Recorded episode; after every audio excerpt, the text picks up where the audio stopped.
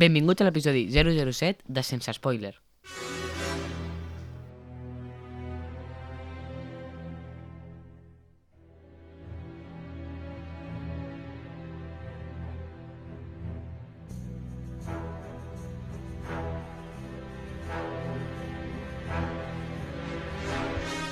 Recordem que encara seguim a l'època de Nadal.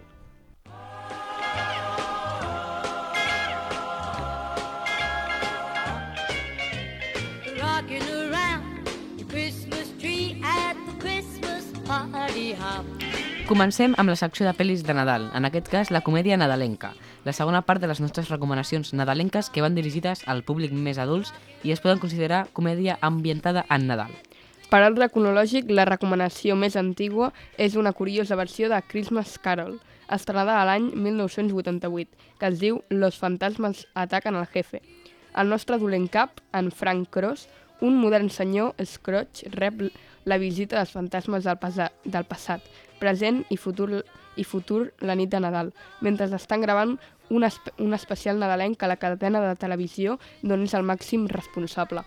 I continuant amb les versions del conte més nadalenc de Charles Dickens, dels nostres amics els Muppets, no podem deixar de protagonitzar la versió més esbojarrada titulada Un Nadal, un Nadal amb els Muppets, estrenada l'any 1992 després de la mort del seu creador, Jim Henson. El protagonista és el gran Michael Caine, que interpreta el Mr. Scrooge, i els Muppets, Gustau la Granota i Peggy com Cratchit, és una versió molt fidel a l'original, però protagonitzada pels nostres amics de peluig. Canviant totalment d'estil i de públic, us, recom us recomanem la pel·lícula espanyola dirigida per l'Àlex, l'Àlex de l'Església i estrenada amb molt d'èxit al 1995, El dia de la bèstia, protagonitzada per l'Àlex Angulo i un Santiago, un Santiago Segura que feien en autèntica comèdia irreverent. Res a veure amb els padres no hay más que unos. La història comença quan un sacerdot basc descobreix que en uns textos de l'Apocalipsi està l'Anticrist, que ha de néixer el dia 25 de desembre de 1995 a Madrid. Començarà un periople on l'acompanyarà per casualitat el José María, un apassionat al death metal i un famós presentador d'un programa de ciències ocultes de televisió. Continuarem amb una comèdia molt més familiar, encara que no apta potser per totes les edats. És un titular Un padre en apuros. Va estrenar el 1996 i es pot encabir dintre les pel·lícules de temàtica nadalenca, on un actor famós en el cinema d'acció i testosterona intenta canviar el rol fent un, fent un paper de pare de família desesperat per trobar el regal tots, eh, que tots els nens volen, Turboman.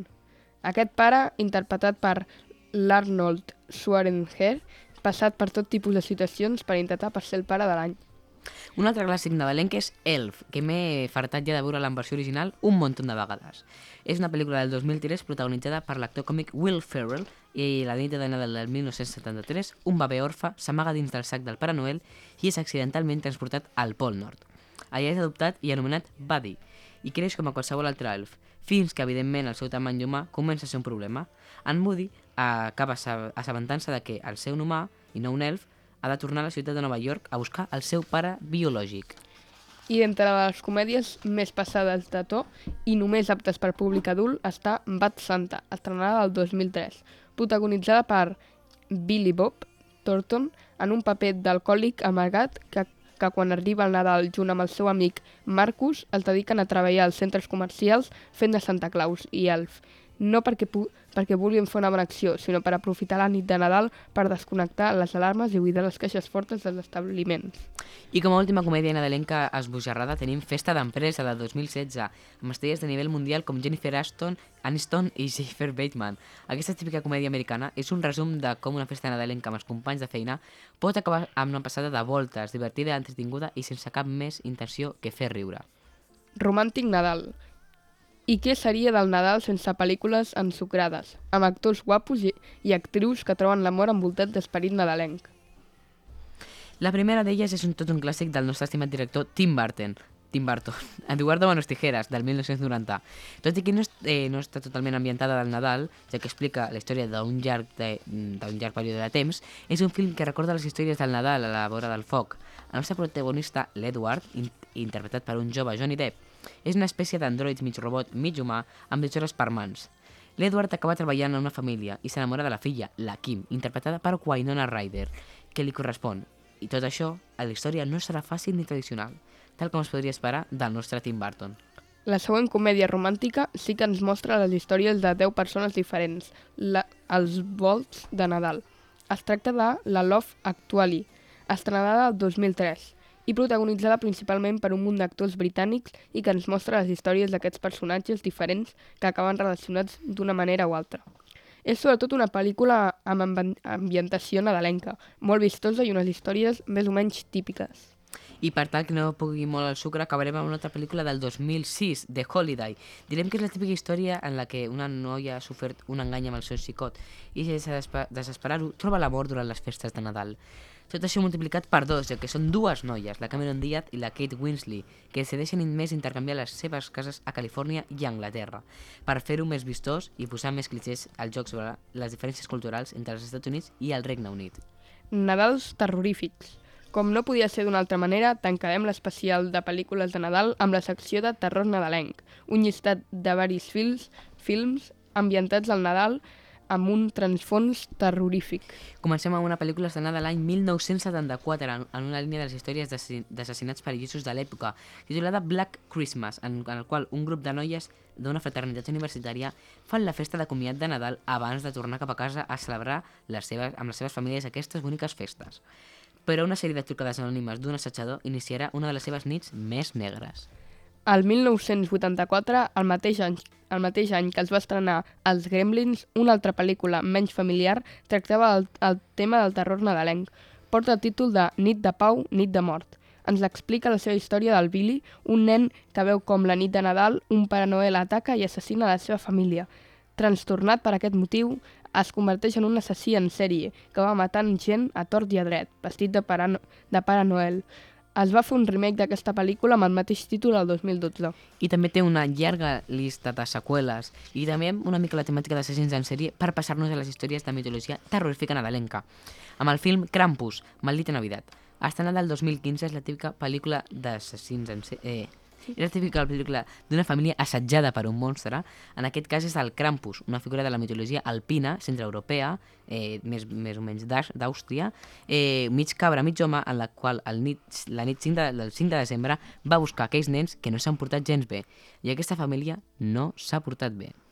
Per acabar, parlem de l'estrena del Nadal 2022, que porta el títol de Noche de Paz i que està protagonitzada pel David Harbour, més conegut com el Rombo Gordo, o Jim Hopper, pel seu nom Stranger Things. En fi, el nostre amic protagonitza protagonitza un film on acaba sent un pare Noel d'acció que defensa a tope els hostatges d'un secret d'uns dolents molt dolents. Ara és hora dels videojocs. Avui toca els jocs d'estratègia, com ja va comentar l'Unai a l'episodi anterior. Una de les meves eh, seccions preferides. Ara us direm uns dels pròxims estrenes que hi hauran. Ara toca la secció dels videojocs. Avui ens toca el jocs d'estratègia, una de les meves seccions preferides. Ara us direm els pròxims estrenes que n'hi hauran. Kings of Honor 2 Sovereign. Eh, Kings of Honor 2 Sovereign és un videojoc d'alta estratègia la qual ens proposa convertir-nos en els líders d'una nació europea a l'edat mitjana. Has de comerciar amb altres països i fer que el teu poble estigui d'una vida saludable i aixafar els teus amics amb la força dels teus exèrcits. Amb aquest joc d'estratègia de Black Sea Games i THQ Nordic tindràs tota la llibertat per afrontar l'acció com et plagui. Aliens Dark Descent. És un videojoc d'acció i d'estratègia on caldrà dirigir un esquadró d'endurits marines colonials per, atu per atu aturar el terrorífic brot de xanò xanòmofors a la lluna Lete. Liderarà els soldats en combats en temps real contra els icònics xanòfors, els, els agents rebels de la insaciable corporació Weyland Yutani i tota la seva no nova sèrie d'horrendes criatures a la franquícia d'Alien, en un de desenvolupament signat per Tindalos Interactive Battlefield Glondic Armada. Company of Heroes 3 continua la saga dels videojocs d'estratègia en temps real desenvolupada, desenvolupada per Relic Entertainment. Aquesta lliga eh, arriba carregada de novetats, entre les quals destaquen les noves maneres d'encamussar per la campanya i el multijugador competitiu. No obstant això, amb el seu afegit més gran, serà el seu mapa de campanya que permetrà enfrontar la història amb més llibertat, escollint des de diferents fronts estratègies diferents. Però abans, abans d'enfrontar-se amb les diferents partides, Relic Entertainment no marxarà de la Segona Guerra Mundial i per aquest nou lliur- lliurament ens transportarà al capdavant de la Mediterrània, amb les campanyes d'Itàlia i el nord d'Àfrica. El joc permet treure encara més unitats i estratègies, així com una manera de pausa tàctica. Per descomptat, les cobertores, l'execució d'escenaris i l'espectacular- espectu- espectacularitat dels seus combats continuaran sent presents gràcies a l'ús de la nova integració del seu propi motor, Essence. Eh, abans de continuar, que sapigueu que R RTS eh, significa joc en temps real. I bueno, co continuem. Surviving the Abyss. Surviving Abyss és un joc d'estratègia i gestió on assumeixes el paper de supervisió d'una instal·lació de recerca en aigües profundes durant l'apogeu d'una història alternativa de l'era de la Guerra Freda. Extreu recursos, il·lumina el teu camí en la foscor i explora el fons de l'oceà per avançar en una investigació que podria convertir la genètica en una, en una arma. Pel camí caldrà preocu- preocupar-se d'aconseguir oxigen, energia i alimentació per mantenir viva la seva tripulació, encara que potser t'has de preocupar més pels horrors que, que esperen a la foscor. Crossfire Legion és un videojoc d'estratègia en temps real en el qual adapta el gènere d'una guerra global futurista i de faccions enfrontades al vist del Rexit Shooter multijugador de Smilegate. Aquest Crossfire Legion està desenvolupat per Blackbird Interactive en col·laboració de la firma sud-coreana i Prime Major, el nou segell de Coach Media, i arribarà a les botigues el 2022. Crossfire Legion es llançarà a la, a la modalitat d'accés anticipat. El jugador, podrà, el jugador podrà controlar fins a tres fraccions diferents i optar per una manera de campanya i enfrontaments en línia 1 versus 1 o 3 versus 3. A mesura que van avançant el desenvolupament, s'aniran desvetllant nous detalls. Homeworld 3. Més de 15 anys després del llançament de Homeworld 2, Gearbox i l'equip de Blackbird Entertainment continuen la història d'aquest videojoc d'estratègia espacial legendari amb, amb una Homeworld 3 que porta conflicte, a conflicte a un nou nivell més èpic i, i més espectacular. Ens proposa controlar escenes de naus emocionants en batalla en temps real, mentre gaudim d'una història apassionant. Para Paradise Project és un videojoc d'acció en un món obert misteriós i, i tan obert que està infestat per zombis, on una tecnologia permet programar els morts vivents per a tasques quotidianes, exploració, defensa, etc. Els jugadors han de mirar fins al fons dels voltants, recollir materials, crear armes i, com sempre en aquests casos, lluitar per les seves vides en una versió completament nova del gènere zombi que, a més a més, incorpora el nou multijugador. Do Not Fit the Monkeys 2099. Espia estranys a través de càmeres de seguretat, envaeix la seva priva privadesa i descobreix els seus més íntims secrets en aquest simulador de voyeur digital. Do Not Fit the Monkeys 2099 dona a continuació al sorprenent videojoc índia de Fictorioma Studio, donant als jugadors la benvinguda al club d'observació de, de primats, perquè fins i tot els garanteixen una proposta que combina la narrativa d'investigació, vigilància i gestió de recursos. War Hospital és un videojoc de supervivència i estratègia amb elements RPG, on els jugadors revisen, supervisen un hospital de campanya durant la Gran Guerra o Primera Guerra Mundial, en el rol d'un metge anglès ambient, ambientat al capdavant envi, enviat al capdavant per cuidar dels soldats ferits i oferir-los una mica més d'esperança. En la, nova, en la noble missió de tractar ferides de la guerra, els seus pacients hauran de prendre decisions difícils que afectaran el personal, els recursos i de vegades fins i tot el destí de la guerra. The Settlers. La mítica sèrie de The Settlers torna a la vida amb aquest videojoc d'estratègia per a PC, que neix com reinici de la franquícia amb 30 anys d'història. Ubisoft ha comptat amb el suport del creador de la sèrie, Volker Wertich, per desenvolupar un títol de gestió que renova alguns dels fonaments bàsics de la saga, alhora que introdueix novetats com el sistema de menjar, treball múltiple o noves formes d'assolir la victòria en la partida. Tempest Rising és un videojoc d'estratègia en temps real i construcció de bases inspirats en els grans referents del gènere als anys 90 o als anys 2000. Amb una menció especial de la saga Command and Quick Conquer, la seva acció trasllada el jugador fins a una línia temporal alternativa on s'ha desfermat una guerra per un rar minara al- al- alienígena, alienígena que dona nom a l'aventura. Entre si la seva oferta de contingut és ben èpica i, i acompanya amb un valor narratiu, així com escarcamusses multijugadores. Chrome Wars The Black Prince. Chrome Wars The Black Prince és un videojoc d'estratègia i de batalles per torns, on en ple fragor de la guerra dels 100 anys encapçales, encapçales una família noble que cerca la, la glòria. El desenvolupament de Arrefactes Studio convida a lluitar amb faccions enemigues i combatre una força maligna que ha corromput les, les més altes esferes del poder i està, ex, està explorant el conflicte en benefici propi a través d'una secta violenta i misteriosa. Un cop dit les estrenes, toquen les recomanacions per iniciar-se en aquests jocs o redescobrir-los. El joc d'estratègia. Civilizations, eh, sí, si de videojocs estem parlant, no ens podem deixar Civilizations, que en aquesta saga tan popular no ha deixat indiferent a ningú. El joc tracta sobre una civilització on hauràs d'intentar governar el teu món. En aquest joc, per torns, et deixarà negociar, comerciar i lluitar amb un munt de coses per tirar endavant. Al començament et deixaran triar una civilització, com pot ser Roma o Anglaterra, i d'allà hauràs de crear la teva pròpia re religió o seguir-ne alguna. Però compta amb els bàrbars, on t'intentaran des, des, desestabilitzar-te. I no t'oblidis d'investigar, si, no podràs, si no, no podràs canviar d'època. En aquest joc aniran passant els anys fins a arribar a l'era atòmica. Què pot passar?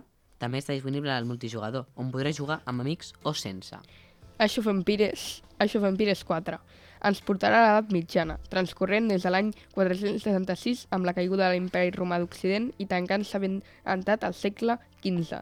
Tot i això, sembla que, la, que el descobriment i la conquesta del Nou Món, el 1492, la intenció dels creadors és escollir aquest període medieval es deu als diversos factors, tant per l'accessibilitat de les tropes i de l'equilibri de les unitats i civilitzacions, com per la història existent que donarà context a les missions amb què es troben al joc i que serviran per marcar el desenvolupament de la partida.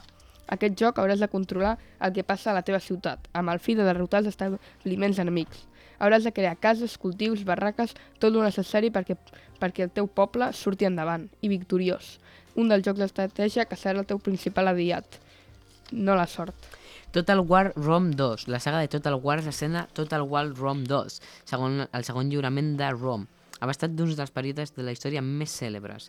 El videojoc combina la campanya de, de més grans de torns que s'hagi realitzat per Creative Assembly, juntament amb les batalles més grans del, amb temps real. El, joc de, el vuitè joc de Creative Assembly està carregat de bons continguts i ofereix una durada extraordinària, aconseguint el conjunt de Total War Rome es converteixi en un RTS que ens ofereixi que ens ofereix la millor, la millor manera de conviure en alguna de les batalles eternes de la història de la humanitat. Pel que guanyar excel·lència en aquest joc són les batalles, són les batalles però tan realistes on tu seràs el general i hauràs de guiar les teves prop pròpies tropes cap a un bon camí, on hauràs de crear les teves pròpies formacions i en recorda't que hi ha el multijugador, on podràs fer batalles amb altres jugadors. La màquina del temps. Quines pel·lícules es van estrenar tal dia com avui, però ja fa uns anys? Superman 2, estrenada fa 42 anys i protagonitzada per Christopher Reeve i el director Richard Lester, és la segona entrega de les aventures del Superman, amb el guió de Mario Puzo, del Padrino, i basada en el personatge del còmic de DC. En aquesta aventura, el Superman s'ha d'enfrontar a tres criminals del planeta Krypton, condemnats i empresonats pel seu pare, que han d'escapar de la presó a l'arribar a la Terra desenvolupen els mateixos poders que en Superman. La podeu veure a HBO Max. Límit, 48 hores. Estrenada fa 40 anys, pel·lícula protagonitzada per Nick Nolte i Eddie Murphy, clàssica pel·lícula d'acció on ajuntem un, poli un policia dur i malmorat, Nick Nolte, amb una con contrapart còmica, Eddie Murphy. Després de dos assassins sense escrúpols escapin de la presó deixant pel camí una llarga llista de crims, al detectiu Jack Cates no li queda més remei que treure al centre penitenciari en Rogi Hammond perquè l'ajudi a trobar els criminals no només disposen de 48 hores per trobar els criminals abans que en Hammond hagi de tornar a presó. Només el trobaran de lloguer. Només la trobareu de lloguer en El- plataformes. El secret de la piràmide, estrenada fa 37 anys, una pel·lícula amb el segell de Spielberg i amb el guió de Chris Columbus, un parell de clàssics en aquesta secció. Una gran pel·lícula basada en els personatges clàssics de Sir Arthur Conan Doyle ens presenta a un jove Sherlock estudiant d'una prestigiosa, prestigiosa Universitat de Brompton Academy on, es on coneix el que serà el nostre gran amic Josh Wanston. Quan uns estranys i horribles assassinats mantenen alterats a Londres, el jove Sherlock i en Watson en veuen involucrats sense adonar-se en una obscura trama només la podeu trobar de lloguer. El senyor dels anells, el retorn del rei.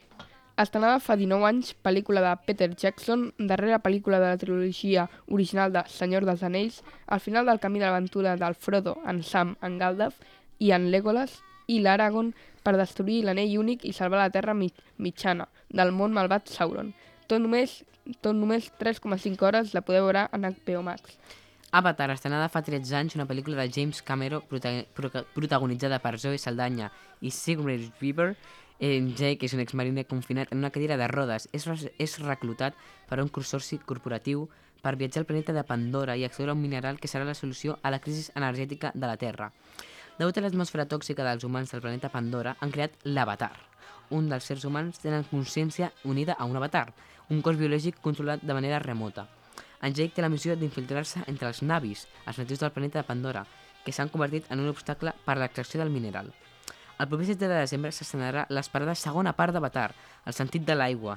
Si us agrada mo el món de Pandora, no, no dubteu en visitar Animal Kingdom a Disney World Orlando, on tenen un land dedicat a Avatar. És realment impressionant. Aquesta pel·lícula la podreu trobar a Disney+. Plus. Els Vengadors. Estrenada fa 12 anys, primera pel·lícula de coral del UCM de Marvel i que va servir de, de culminació de l'anomenada fase 1 de Marvel.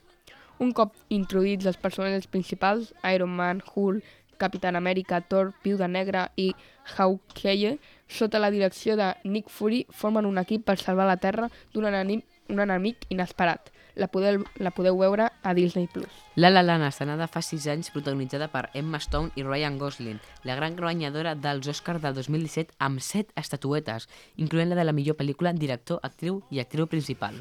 Musical on seguim les vides de la Mia, aspirant actriu, que treballa servint cafès a les estrelles del cinema, i d'en Sebastián, un músic de jazz que es guanya la vida tocant en bars de mala mort. Un dia els seus camins s'entrecreuen i s'enamoren immediatament eh, d'aquesta la podeu trobar a HBO Max. Eh, una notícia important. Netflix ha tret el seu nou plan en el qual per 5,49 euros podreu gaudir de, tota la, de la gran majoria de les pel·lícules. Però, sempre té un però, Amb anuncis. i no tindreu accés a tot el contingut. Eh, només algunes pel·lícules, ja que per temes de llicències no accepten que hi hagi publicitat. Eh, així que, bueno, eh, anem a fer una llista de pros i contres. Eh, jo el principal pro, bueno, principal pro és que val menys. Eh, també que, bueno, tens Netflix recomanat a bon preu. Eh, jo crec que el principal contra és que no tens tot el contingut. Sí, perquè la gent es creu que, que inclou tot el contingut i és que no. Mm, Tots els originals els trobareu segurament, els que estiguin disponibles al vostre país, encara que algunes pel·lícules de llicència antigues que no siguin originals de Netflix no les podreu trobar. Aquest és el principal dels contres, a part de que tindreu anuncis més o menys per cada hora de reproducció, uns, uns crec que van dir 3 minuts d'anuncis per cada hora de, de reproducció, eh, sempre apareix al, al començar un títol, eh, i no ho sé, pensant que el, el preu normal d'una subscripció de Netflix són 7 euros, està, sembla que és una bona oferta o és una mala oferta? Clar, perquè quan, quan es rebaixa són 5 euros. Uns 2 euros. A la subscripció més bàsica, que és en SD. Jo crec sincerament que no val la pena. Diguem, crec que per això, per una miqueta més tens sense anunci totes les pel·lícules. I a part, és que no podeu descarregar contingut per veure'l sense connexió, perquè, òbviament, si te'l descarregues no et pots descarregar l'anunci. Per tant, no podeu tenir la funció de veure pel·lícules sense connexió, heu de veure sempre amb wifi o amb dades. Eh, sincerament, crec que ha sigut una molt bona estratègia de Netflix perquè t'estan, diguem, sempre, si tu vas a comprar alguna i et diuen una opció petita que val un euro, tens 100 grams de crispetes, però per 2 euros tens 400, doncs, òbviament, el més lògic és agafar el de 2 euros. Crec que, diguem, no és una, és una versió més com d'estratègia, més màrqueting, perquè crec que no té molta funcionalitat. Eh, sí, hi ha algunes altres plataformes que ja han anunciat que volen treure el plan amb anuncis, encara que ninguna ha arribat a, a les... Bueno, encara ningú l'ha publicat, i això és el que digues de que és una estratègia de màrqueting, sí, perquè no sé si sabeu ara les altres, els trailers de Netflix, al dins de la plataforma no, però si veieu, per exemple, a YouTube, eh, ara en comptes de ficar disponible en Netflix, et posen disponible en Netflix por 5,49 al mes. Mm, sí, és veritat, però realment ho estan fent perquè aneu a veure. Així que és decisió vostra eh, si voleu canviar el vostre plan de Netflix. Una altra cosa important a dir que se m'havia oblidat és que no podreu veure més de 720 píxels de qualitat. No podeu veure en 4K ni en HD. L'heu de veure sempre en SD. Bàsicament aquest pla és molt dolent, però crec que també ho havíem, també havia sentit algú de Disney Plus que volia fer alguna versió que crec que era gratis però amb bastants anuncis. Però bueno, crec que el de Netflix és bàsicament el que he dit, una estratègia més de màrqueting perquè ara eh, en tots els anuncis et poden sortir que només val 5 euros, mentre que, diguem, és molt, aquest pla és molt mala, molt mala qualitat.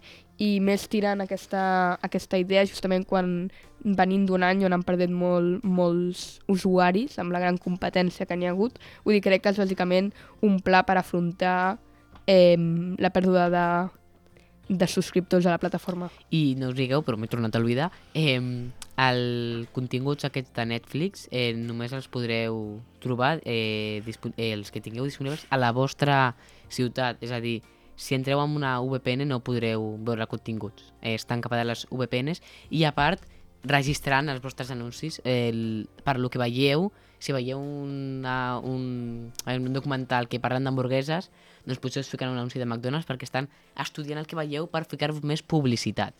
Eh, parlant de Netflix, he començat a veure la sèrie Miércoles, que m'ha agradat molt.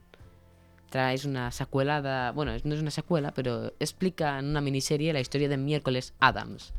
Jo m'he de començar Alguien està mintiendo 2 perquè m'havien... Us la recomano bastant perquè he sentit molt parlar sobre ella i m'han dit que és molt recomanable. No vull fer sense spoiler, però... O sigui, o sigui vull fer sense spoiler, ni un spoiler. Eh, hi ha tercera temporada. No està confirmada, però acaba per tercera temporada. Eh, a, a, realment els llibres de l'autora que es diu La trilogia de Bayview són una trilogia. Eh, per tant, sí, segurament tinguem aquesta tercera temporada, a més, després de l'èxit, l'heu de veure tots a Netflix eh, ara mateix. Aneu a veure a Netflix i ja teniu, no teniu excusa, perquè aquesta està disponible amb el plan de 5,99, així que aneu tots a veure No, miércoles... no, no us compreu el pla de 5,99, en sèrio. És molt lamentable. Bueno, cadascú que pagui el, el que ha de pagar. Sí, però per això li robes al veí. Eh, sí, podeu deixar aquest programa, aquest meravellós programa, i anar a veure Alguien està mintiendo 2. Us donem permís. Eh, després, eh, miércoles. Aquesta és una versió per Tim Burton que no tracta directament sobre miércoles perquè no és, no és com les pel·lícules que s'han fet no és un remake de la pel·lícula, sinó que t'explica una història en un... que podria haver passat, en la qual la miércoles va a un De què va, miércoles? És sobre el miércoles Adams, és el que t'estava explicant, que bàsicament eh, no és una seqüela de la pel·lícula original, però és, és com una cosa que podria passar més enllà de les pel·lícules, en la qual la miércoles eh, és enviada a un centre, eh, i en aquell centre, doncs, fa uns amics, és per la gent, com, com dir-ho, eh, ho diuen friquis encara que és tot, bueno, ja, si la veieu ja podreu veure que hi ha diferents maneres, són indirectes tot, tot el que hi ha dins de miércoles, que si no les enteneu, doncs bé, i si les enteneu, doncs, doncs perfecte. Us podeu enviar una nota d'àudio al 691 438 eh, i així us les podem respondre si trobeu alguna indirecta dins de la sèrie de miércoles. No en tinc ni idea de, de què va aquesta sèrie, però molt recomanable. Eh, després, eh, parlem sobre sèries de Nadal, que no hi ha ninguna, però sí que trobarem a, dins de Disney Plus, com sempre, la seva categoria per temporades, en la qual podem veure episodis de sèries que només són de Nadal. Per exemple, eh, encara no sé si està habilitada, però segurament ja l'habilitin d'aquí poc, en la qual si tu busques la col·lecció de Navidad, eh, us sortiran pel·lícules de Nadal, pel·lícules estar de Nadal, que- i un apartat a la que són. Els apartats són episodis del Simpson de Nadal i episodis de sèries de Nadal. Per tant, si només voleu veure eh, especials de Nadal, podeu entrar a Disney Plus a la subscripció de 8,99 i veure ja els, els episodis de Nadal, que recordem que Disney Plus m'atreviria a dir que és una de les plataformes amb més contingut, ja que té tot el contingut de Disney, de Pixar, de, de, de Discovery Channel, no, Sí, Discovery Channel, Star, Star Wars... Star, Marvel i, i ja està. Bueno, i, i Fox és a l'Star. Eh, Fox i diferents altres llicències que va comprar Disney i doncs això, a Disney Plus podeu trobar molt contingut nadalenc.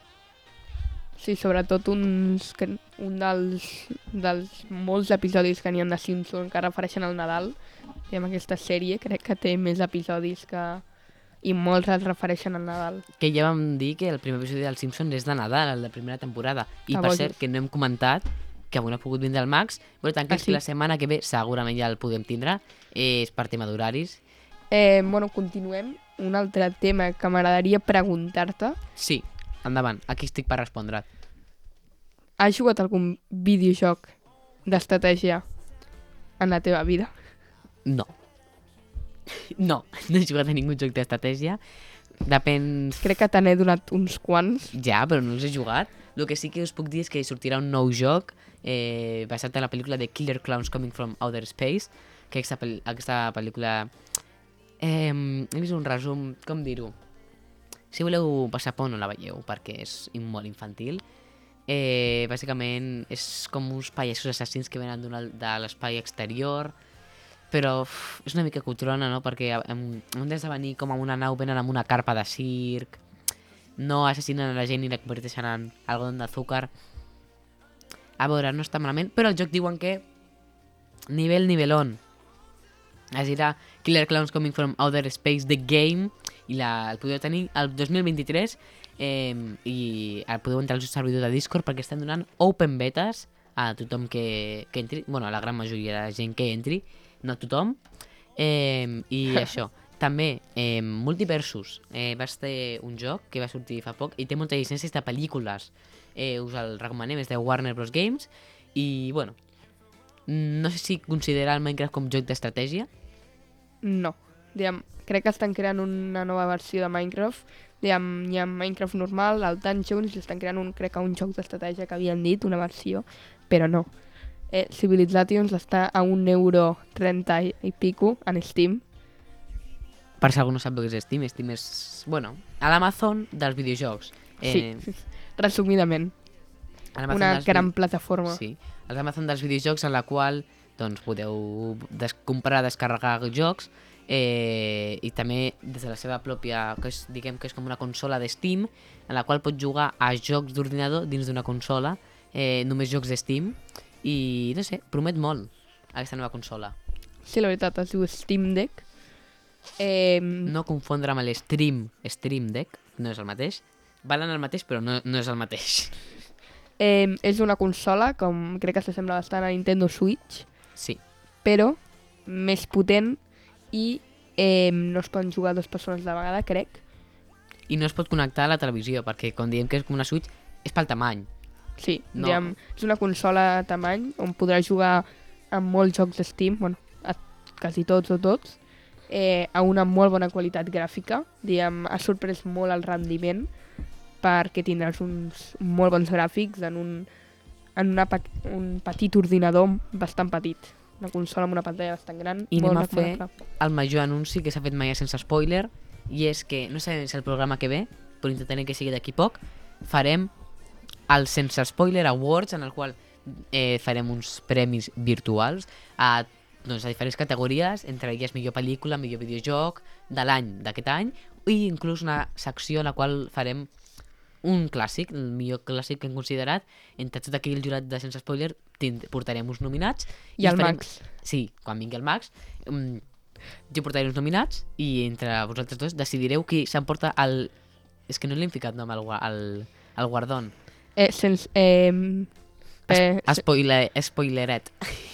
sense spoilers, eh, Otorgarà un spoileret. awards. Sense spoiler awards, segurament en el pròxim programa, i donarem un spoileret a diferents Spoileret, categories. no? Un... Un spoileret? És... A veure, això no, sisplau. Hem de, hem de discutir el nom.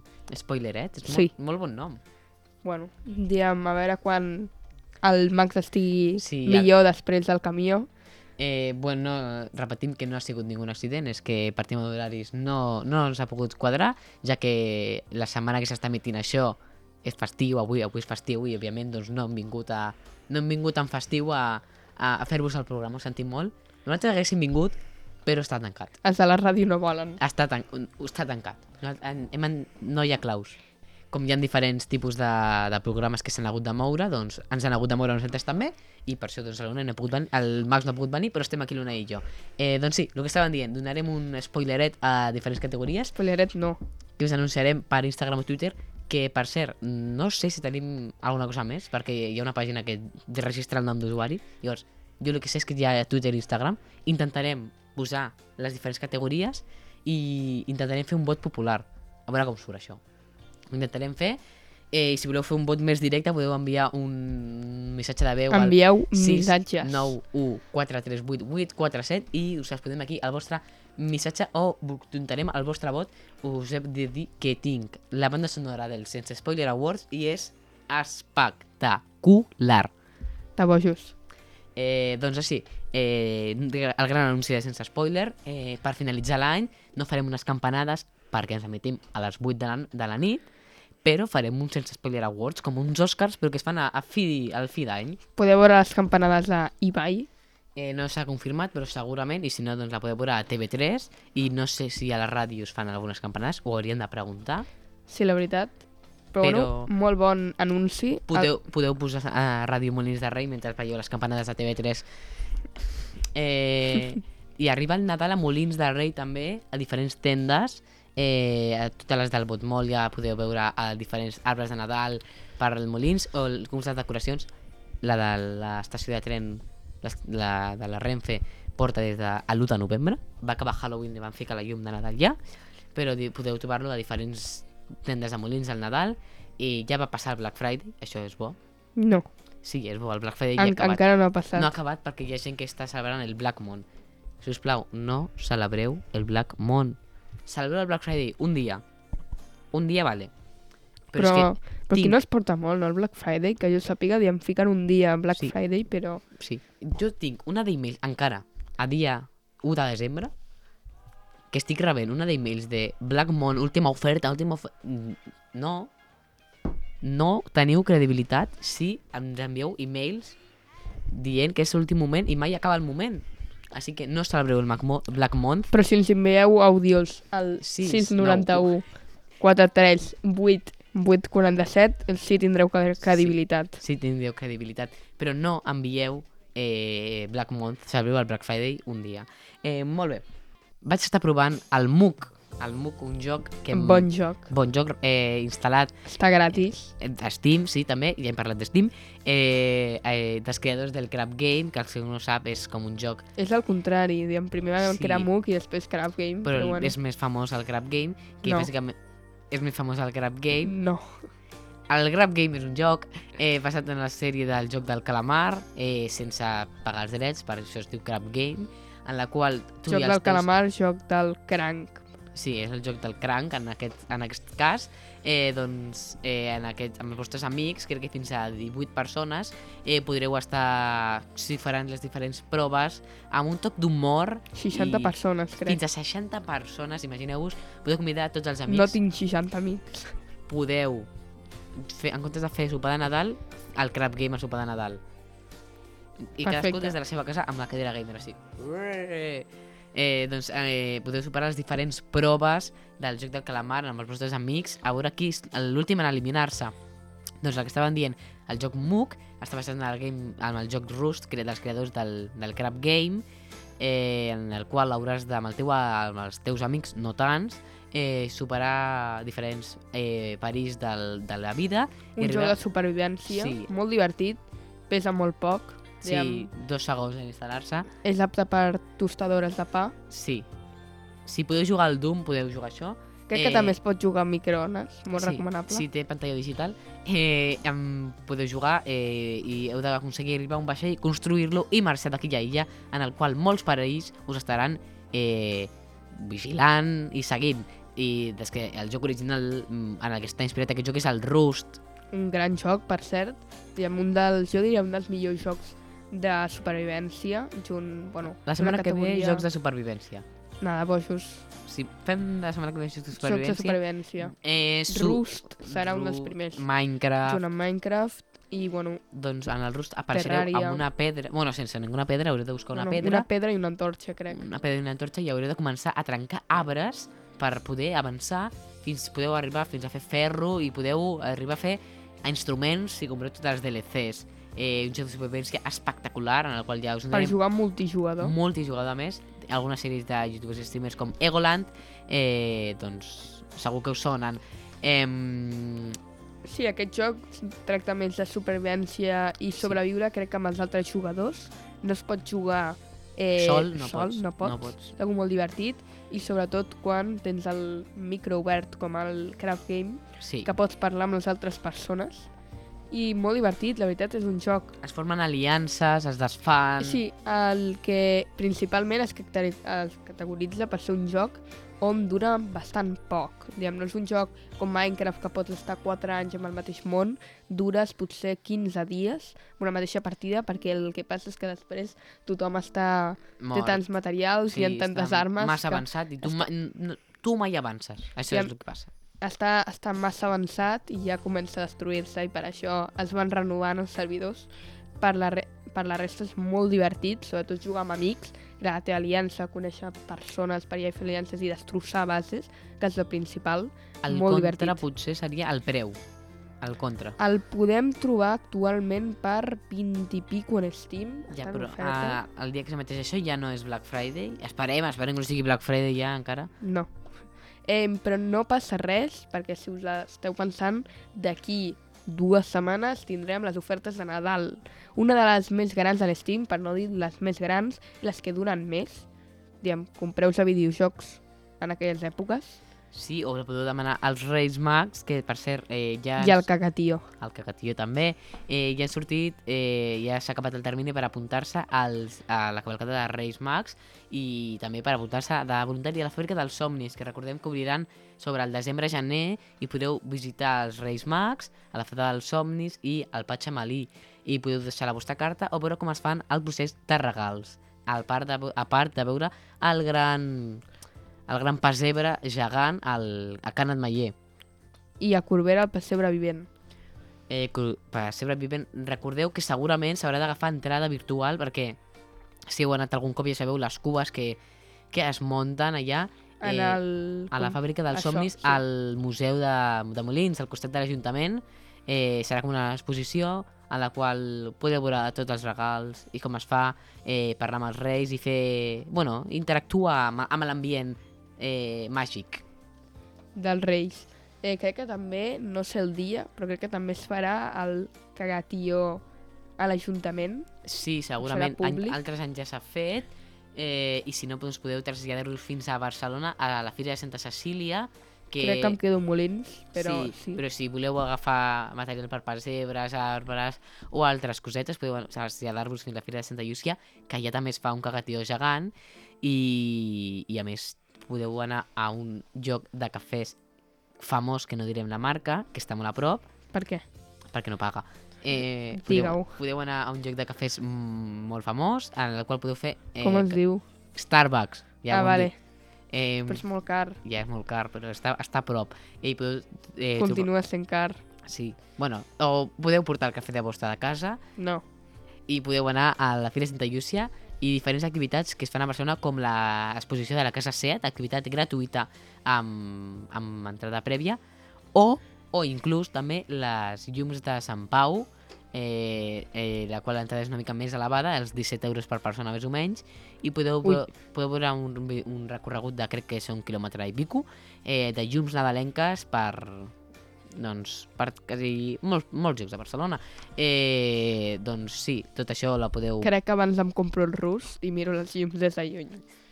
Eh, sí, eh, bueno, jo, he, jo no l'he visitat, però conec gent que les ha visitat i diuen que l'experiència és molt, molt bona. Eh, No tant com la del rus. Deixant el rust a part, eh, sí que eh, la Casa Set jo la vaig visitar l'any passat i em sembla que és molt bonic. Hi ha publicitat de SEAT, eh, ja que estem dient marques, de SEAT, i està molt bé. Eh, podeu disfrutar... Diceat sí, però Starbucks és molt... ja que estem dient marques, eh, a la casa SEAT en la qual podreu trobar diferents eh, cotxes, motos i jocs per fer-vos fotos, unes escales mecàniques espectaculars o un paisatge de Nadal. Eh, ens porteu mòbil perquè hi haurà molt bones fotos de records. Eh, per cert, us recordem que teniu aquests programes a l'Spotify sense spoilers. Sí, i si no, podeu entrar també al web ja.cat barra sense spoiler i escoltar-vos allà, perquè per ara no, però eh, crec que Spotify quan portes molt episodis te'ls te va eliminant. I si voleu veure'ls tots, podeu entrar a ja.cat barra sense spoiler a la nostra pàgina web i allà podeu veure doncs, doncs tots els programes eh, amb publicitat, sí, no, la- no cobrem la publicitat, tranquils, a l'Spotify tampoc la cobrem, doncs, té una petita publicitat abans de començar, No ens paguen. no ens paguen aquella publicitat, Som pobres. no es paga la publicitat, però podeu escoltar tots els programes eh, a la nostra pàgina web, al igual que intentarem posar eh, alguns estrenes recomanats, però per ara no els hem posat perquè no hi ha temps per fer-ho. Eh, bueno, I també, doncs, com hem dit, crec que tenim Twitter i Instagram, ho haig de mirar perquè hi ha una pàgina que et va registrant perfils amb una arroba i doncs intentarem eh, informar-vos per allà sobre les diferents categories dels Sense Spoiler Awards i des d'aquí us volem dir que esperem que hagueu disfrutat, gaudit molt d'aquest programa. Els teniu a, eh, a Spotify, per si no podeu... o a la nostra web i el, també, si voleu ser part d'aquest programa, podeu enviar una nota d'àudio al 691 438 847 i passar-vos al sense spoiler. Em despedeixo com ho faria el Max, perquè no ha pogut estar aquí. I Moltes gràcies i fins la propera. adeu, adeu.